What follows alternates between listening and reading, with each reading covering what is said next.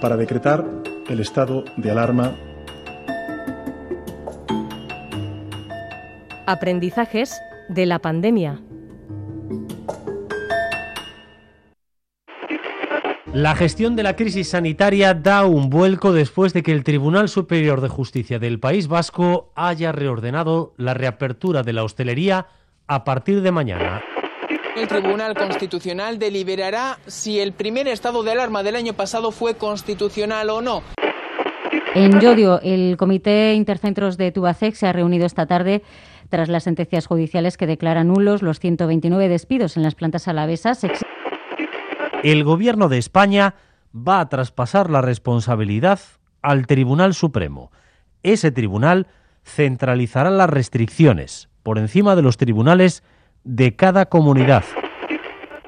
El segundo episodio de Aprendizajes de la Pandemia, eh, ya lo escuchan, se lo vamos a dedicar a la justicia, a la judicialización de la pandemia, un asunto que en la calle muchos no han acabado de entender. Yo creo que las medidas debían tomarse por otros lados, más desde la sanidad que desde los jueces. Los jueces deben estar al margen de todo esto, o sea, eso todo, debe ser criterio político. Los jueces deben entrar cuando tocas derechos fundamentales, pero muy extremos. Lo demás yo creo que deben estar al margen. Los jueces se tienen que meter en algo importante cuando el poder legislativo lo hace mal y lo ha hecho mal no ha legislado correctamente y automáticamente los jueces, que encima sabemos mayoritariamente de qué ideología más o menos vienen, son arbitrarias en función de, depende del juez, depende de la comunidad, depende... Es una pena. La decisión de que se tenía que haber hecho se tenía que haber tomado desde un punto de vista científico y no judicial. Y a veces eh, no se entiende muy bien los comportamientos judiciales, ¿no? Pero por otra parte también tiene que haber un cierto control. Siempre el punto de equilibrio no es fácil, ¿no?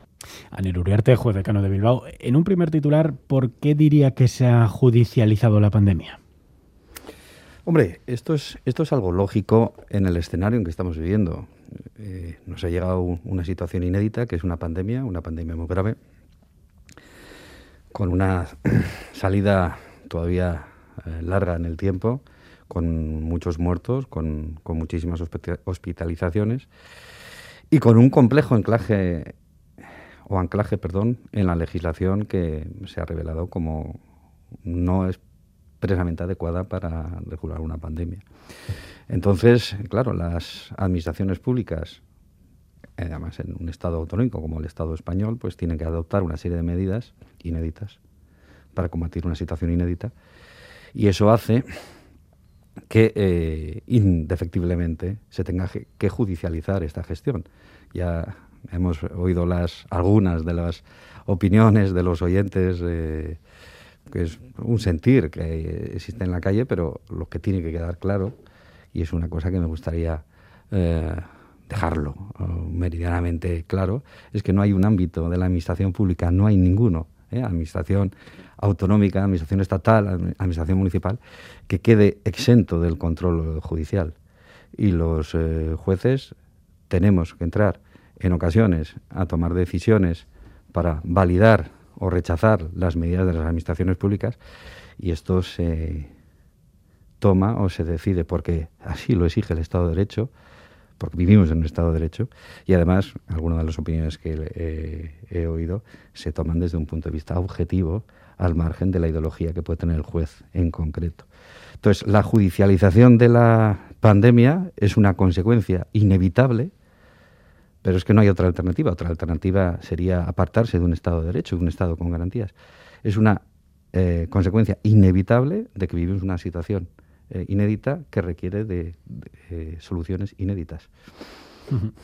Enseguida seguiremos hablando, pero antes vamos a repasar con Irache Ruiz algunos de esos encontronazos entre la política y la justicia. El desconocido escenario de una pandemia mundial, la urgencia de los gobiernos autonómicos por frenar la transmisión del virus y la colisión de esas medidas restrictivas con los derechos fundamentales les ha otorgado a los jueces un papel decisivo. En ausencia de un criterio único, los tribunales superiores de justicia han vetado o avalado medidas idénticas. Ya lo advirtió el presidente gallego Núñez Feijóo. Sustituimos la cogobernanza normal entre gobiernos por una cogobernanza asimétrica entre un gobierno autonómico y el Poder Judicial.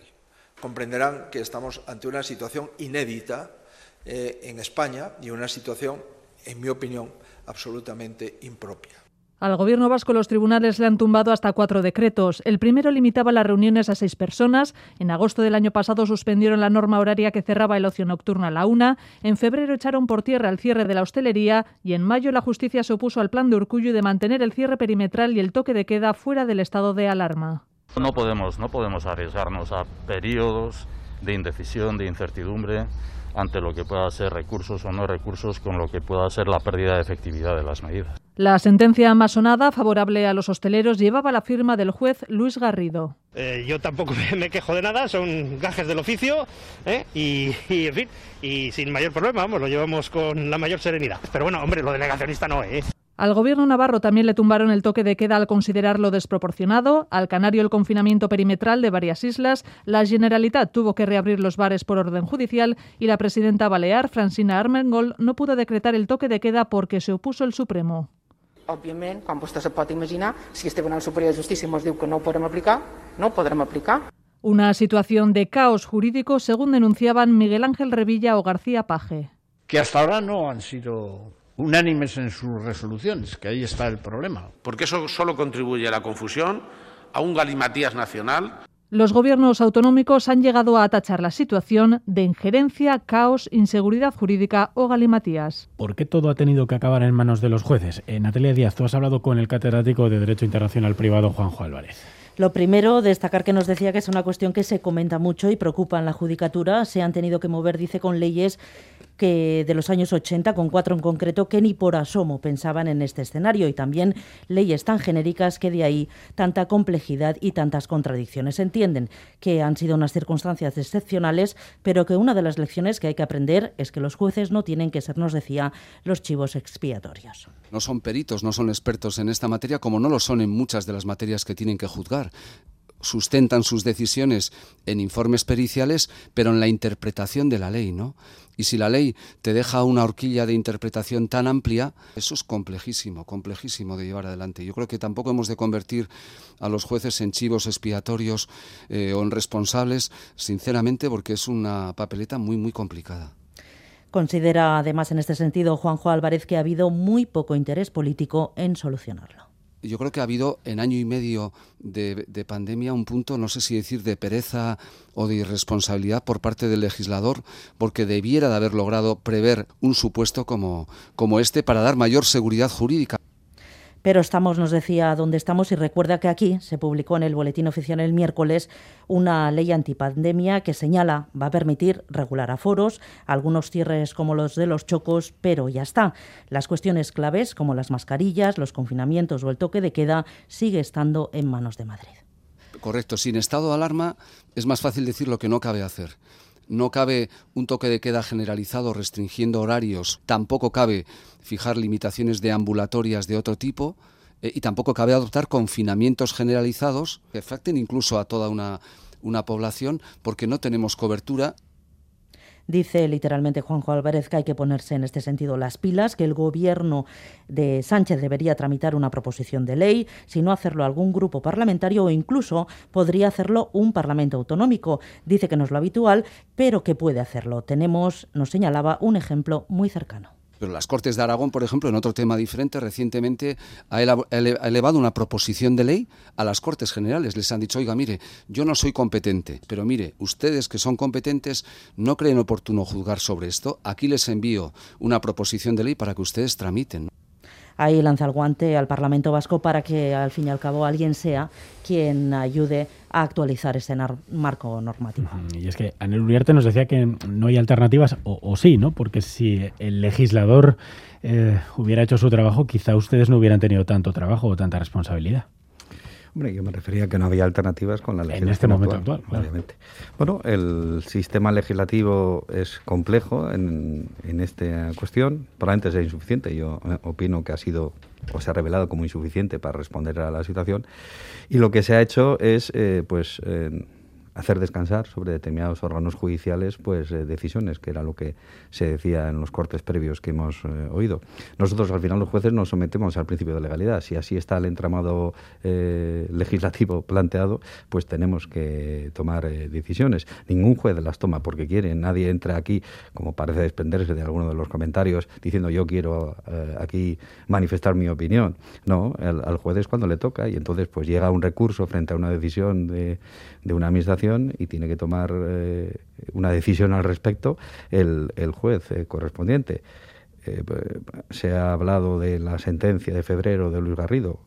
Error, es un auto de medidas cautelares, todavía no hay una sentencia definitiva y Luis Garrido es uno de los tres magistrados que, que la firmó y ellos no tomaron la decisión de vamos a decidir sobre esto, simplemente hubo un recurso de las asociaciones hosteleras de Euskadi que les llegó y en cumplimiento de la función para la, cual les pagan a los tres compañeros, pues tomaron una decisión. Mm. en la calle a veces se interpretaba eh, durante la pandemia que llegaban mensajes contradictorios de unos tribunales a otros, ¿no? Pues en, Baleares se acepta el confinamiento o el toque de queda tal, o en Galicia sí, en Euskadi no, no sé dónde. Eso genera cierta confusión entre la sociedad. ¿Esto cómo se explica? Pero esto es consustancial a, a la independencia judicial, es decir, si hay varios órganos judiciales, en este caso de la misma categoría, salas de lo contencioso administrativo de los tribunales superiores de justicia, es posible que ante situaciones similares, porque nunca son idénticas, ¿eh? ante situaciones similares se pueda dar lugar a soluciones diferentes. Esto es consustancial, se entiende o difícilmente se entiende en el exterior, pero esto no es una máquina en la que uno dice eh, una cosa y el otro dice lo mismo. Para eso está todo un sistema de recursos que hace que todo vaya a un órgano superior y que el órgano superior intente unificar, que es lo que ocurrió además en este caso, que en esta sede hubo una reforma ya por abril de del gobierno para que todo esto se encaminara al Tribunal Supremo. Yo soy consciente de que esto muchas veces no se entiende, pero es consustancial, porque cada uno toma unas decisiones según la interpretación que hace de la ley, que luego se puede unificar por el Tribunal Supremo, y ante supuestos que muchas veces no son idénticos. ¿eh? Porque decía, pasa lo mismo, eh, allá en febrero, Navarra concedió lo que Euskadi, los tribunales, denegaron. pero es que igual las situaciones no son las mismas, o igual no se plantean de la misma manera, y luego los compañeros, compañeras que deciden, pues no son los mismos. Esa es la clave muchas veces, ¿no? Igual no se plantea de forma diferente, igual los argumentos con los que se defiende una postura están mejor argumentados en un sitio que en otro. Puede ser, ¿eh? yo no digo que en este caso el gobierno vasco haya defendido peor que el gobierno navarro, pero a veces ocurre, hay una diferencia en la asistencia letrada que dirige a una parte, porque los gobiernos también son asistidos por algún abogado o letrado.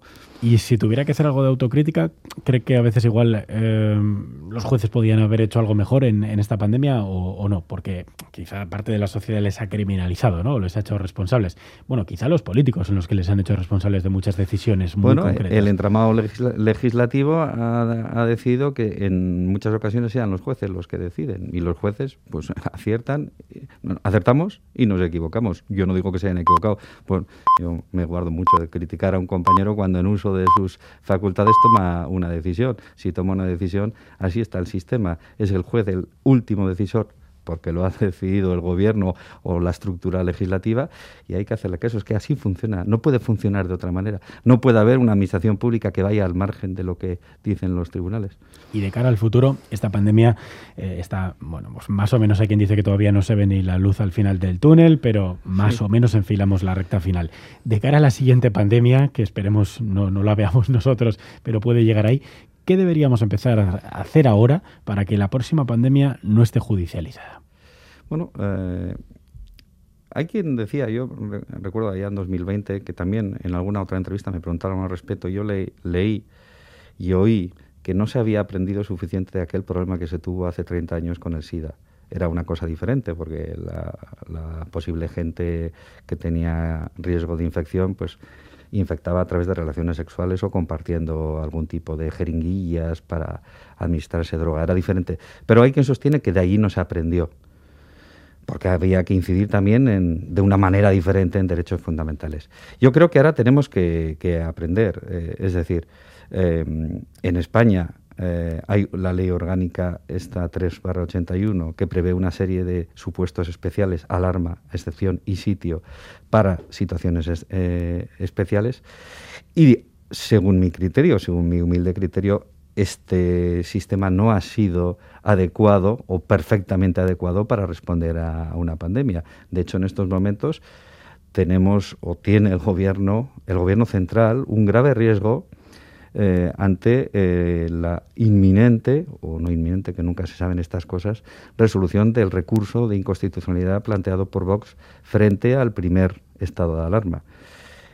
No es un secreto, porque esto se ha filtrado a través de algunos eh, digitales, que parece ser que hay una ponencia que apuesta por declarar inconstitucional el primer estado de alarma, al entender que el estado de alarma en sí no tenía o no era suficiente para restringir los derechos fundamentales de todos los ciudadanos, como fue el que no podíamos salir nadie de la vivienda durante tres meses, prácticamente no llegó a tres meses, entendiendo que teníamos que haber acudido, en su caso, al estado de excepción. los rumores, eh, o esto que se ha filtrado, es que hay una ponencia que se ha votado seis a favor y cinco en contra, pero bueno, están estas cosas del funcionamiento interno del Tribunal Constitucional que no se sabe por dónde va a salir. Pero si esto se confirma, si se declara inconstitucional el primer estado de alarma, va a haber un gran problema para el gobierno central, en el sentido de que ya no solo las multas que se impusieron son ilegales porque o no son válidas porque parten de la base de un Estado que se puede declarar inconstitucional, sino que cualquier persona, cualquier ciudadano que haya sufrido perjuicios por los cierres acordados desde el momento uno, desde el 14 de marzo de 2020, pueden reclamar responsabilidad patrimonial del Estado. Y esto estamos hablando de muchísimo dinero, mucho más allá que las multas. Ojo, que las multas pagadas, las pagadas efectivamente, eso, aunque se declare inconstitucional, no se puede devolver. Todas las que estén recurriendo en tramitación, esas tendrían que dejarse sin efecto. Esta situación, el hecho de que un estado de alarma inicial esté puesto en esté, eh, esté, siendo cuestionado y pueda ser desmontado por el Tribunal Constitucional, nos lleva a la base de que hay que regular algo más claro para la siguiente pandemia si es que llega la pandemia, que ojalá no llegue nunca, o si esto que pase dentro de 100 años, como ocurrió, la última tuvimos hace 100 años, pues ya no lo veremos nadie, de, y ni los que estamos aquí ni, los que están oyendo. Pero como es posible, se dice que mm. pueden venir más pandemias, habría que eh, establecer un, mediante una legislación orgánica una forma más adecuada de intentar responder a esto. Estos estados de alarma, excepción y sitio no tienen un encaje específico las medidas necesarias. Yo no estoy cuestionando que no pudiéramos salir de casa, lo que puede ser cuestionable es que no pudiéramos salir de casa todos durante tres meses en un estado de alarma. Euskadi tiene una ley antipandemia, eh, acaba de aprobarse. ¿Sería bueno que el Congreso de los Diputados aprobara algo similar? Claro, el problema de Euskadi en esta materia es que como administración autonómica no tiene una competencia específica para incidir en los derechos fundamentales. De hecho, esta ley que acaba de aprobar el Parlamento Vasco ya lo conoce perfectamente, es una ley bien diseñada en este sentido, en la idea de que cuando toca los derechos fundamentales, es decir, cuando se quiere eh, o se quiere plantear el eventual toque de queda nocturno, confinamientos perimetrales generalizados o limitación del derecho de reunión en domicilios o en el exterior, cuando toca los derechos fundamentales, el Parlamento Vasco lo ha solucionado porque tiene que pedir permiso al Tribunal Superior de Justicia, así lo prevé la ley. Entonces, el, problema que tiene la Administración Autonómica es que no existe una competencia autonómica para limitar derechos fundamentales, como mucho puede ser una competencia delegada, pues ya se le delegó en este segundo estado de alarma, o una competencia de ejecución de lo que decide la Administración Central. Porque les ha tocado a los jueces eh, hablar de hostelería, de horarios, pero también en página laboral de ERES acabamos de, ver el caso del ERE de, Tubacex, que, la Justicia, el Superior de Justicia Vasco ha tumbado. Ayer los empresarios con Confebas denunciaba, también lo hacía ahora CEBEC aquí en Boulevard, eh, denunciaba inseguridad jurídica. Eh, ¿Está de acuerdo con esta inseguridad jurídica que denuncian los empresarios? No, yo desde el momento que eh, tres compañeros de la Sala Social del Tribunal Superior de Justicia aplican la ley y consideran que estos despidos por la razón que fuera, no he leído la resolución, he leído lo que dice la prensa al respecto y entienden que no cabe ese despido y hacen la interpretación a partir de lo que dice la ley, pues estamos en lo mismo, es una decisión judicial. Al final, cualquier despido como las cuestiones de la pandemia, cualquier despido está sometido al control judicial cuando alguien lo activa. En este caso, los trabajadores despedidos lo activaron y el órgano judicial ha decidido al respecto. Esto obviamente pues a CEDEC al empresario correspondiente no le gusta, pues porque ha perdido el pleito en este caso, pero una inseguridad jurídica, bueno, ellos tienen la seguridad jurídica de poder en este caso recurrir en casación ante la Sala Cuarta del Tribunal Supremo y es, estas son las reglas del juego. Pues Aner Uriarte, juez decano de Bilbao, gracias por haber estado con nosotros en este aprendizajes de la pandemia hoy dedicado a la justicia. Gracias. Un placer. Eh, dentro de siete días, aprendizajes de la pandemia dedicado a la política, estará con nosotros Necane Murga, ex consejera de salud del gobierno vasco. Aprendizajes de la pandemia en EITV Podcast y Radio Euskadi.